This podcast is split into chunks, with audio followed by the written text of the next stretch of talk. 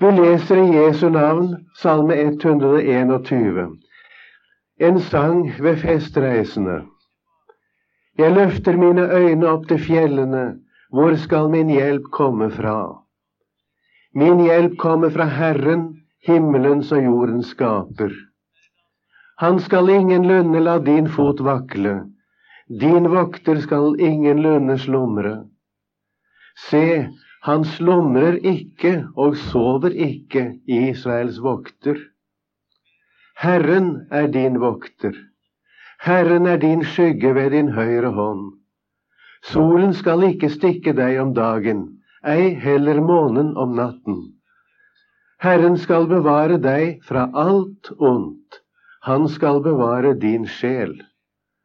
Herren skal bevare din utgang og din inngang fra nu av og inntil evig tid. Amen.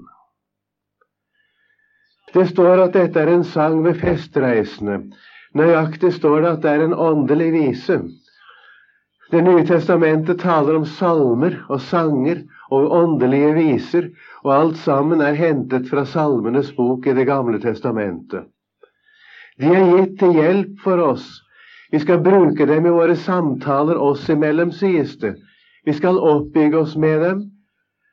Og ikke minst ble denne salmen brukt til dette i det gamle Israel, og det var meningen den også skulle brukes av oss som kristne i dag. Jeg løfter mine øyne opp til fjellene. Det er mange som spør hva det betyr. Det betyr ganske enkelt at Jerusalem, ligger høyt oppe i fjellene, og de er på vei dit opp. Jerusalem er det sted hvor Gud åpenbarer seg. Det er der de møter ham, å løfte sine øyne opp til fjellene er det samme som å løfte sine øyne dit hvor en møter Gud, hvor en mottar Hans hjelp efter hans eget tilsagn og løfte. Det skulle oversettes litt annerledes, kanskje. Det burde vært oversatt med klippe, for her er nemlig et ordspill i grunnteksten. Vi løfter våre øyne opp til fjellene, til klippen, og det sies nettopp i Salmene bok, Salmenes bok, f.eks. i Salme 18, at hvem er en klippe uten vår Gud? Han er den som vi får lov å bygge på, som vi får regne med, som vi får løfte vårt blikk til, som vi mottar hjelp fra. Ja, han er selv hjelpen i egen person.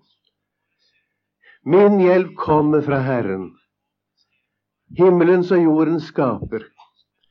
Tenk på det, Han som har tilsagt oss sin hjelp, bedt oss om å regne med seg. Han har skapt himmel og jord. Han står ikke fast. For ham er ingenting vanskelig. Og du kan da tenke deg, han vet råd med deg og med det som angår deg. Dette skal du se på, og dette skal du regne med. Han skal ingenlunde la din fot vakle. Tenk på hvor lett vi har for å gli ut, hvor lite det skal til før vi snubler. Er det noe vi er tilbøyelige til åndelig talt i vår gang, er det å vakle.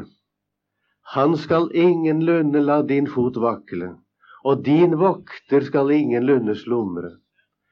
Du og jeg som venner oss til Herren for å motta hjelp fra Ham, vi har en vokter. Det skal du vite som tror på Jesus og tar din tilflukt til Ham. Du har en vokter. Du har en sjels hyrde og en tilsynsmann. Vi trenger nettopp det. Vi kan ikke føre tilsyn med oss selv. Vi forstår ikke oss selv. Vi er ikke i stand til å bedømme oss selv. Vi vet aldri riktig hva vi trenger til, men det er heller ikke nødvendig. Vi har fått en som fører tilsyn med oss, og en som vokter oss.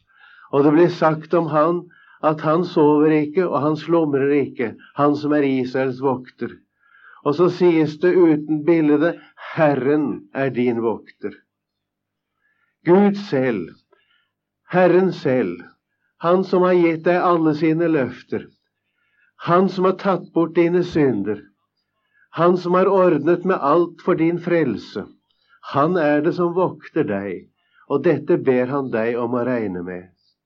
Han skal altså ikke la din fot vakle, han slumrer ikke. Hvert eneste øyeblikk Hvert eneste sekund har du alt hva du trenger til i ham. Han skal passe på deg at det ikke skjer deg noe ondt. Solen skal ikke stikke deg om dagen, ei heller månen om natten. Det siste er vi ikke vant til på våre breddegrader, men månestikk kan være meget farlige. Og de som ferdes ute i mørket, i sånne ørkenlandskap som det er i Midtøsten, de var ofte utsatt for den faren. Herren skal bevare deg. Det er ikke så greit å bevare seg mot solstikk når det ikke er skygge, vet du. Der hvor det ikke er trær, der hvor det ikke er noe å skjule seg under. Det er et bilde på at vi kan ikke beskytte oss mot farene selv. Vi er så utsatt for så mange farer, så mange ting som møter oss i livet, og vi har ingenting å skjule oss bakom. Vi kan ikke verge oss mot det. Så kommer Guds ord og sier, nei, men Herren, han skal sørge for at du ikke blir skadet. Solen skal ikke stikke deg om dagen, ei heller månen om natten. Det betyr at han skal bevare deg fra at noen ulykke eller noe ondt skal hende deg. Herren er din vokter, og han er din skygge ved din høyre hånd. Han følger med deg, han ser deg, han vet alt om deg. Herren skal bevare deg fra alt ondt. Ja, hva sier du til det? Når det står at han skal bevare oss fra alt ondt, så betyr det at han skal bevare oss fra alt ondt. Dette skal du regne med. Han skal bevare din sjel. Sjel er det samme som personliv. Og det er et underlig ord. Det er et ord som i Nytestamentet er brukt om Jesus i et bilde som brukes om ham der, uten at jeg kan komme nærmere inn på det. At Jesus, han er den som bevarer. Han er den som tar vare på oss. Han er den som verner oss. Han er den som helbreder oss. I Jesus har vi fått alt det som vi trenger til. Og denne salmen oppfylles på Jesus. Han er den som gir seg til kjenne i denne salmen for oss. Han skal bevare deg fra alt ondt. Han skal bevare din sjel. Han skal sørge for alt hva du trenger til i livet. Og han skal bevare din utgang og din inngang.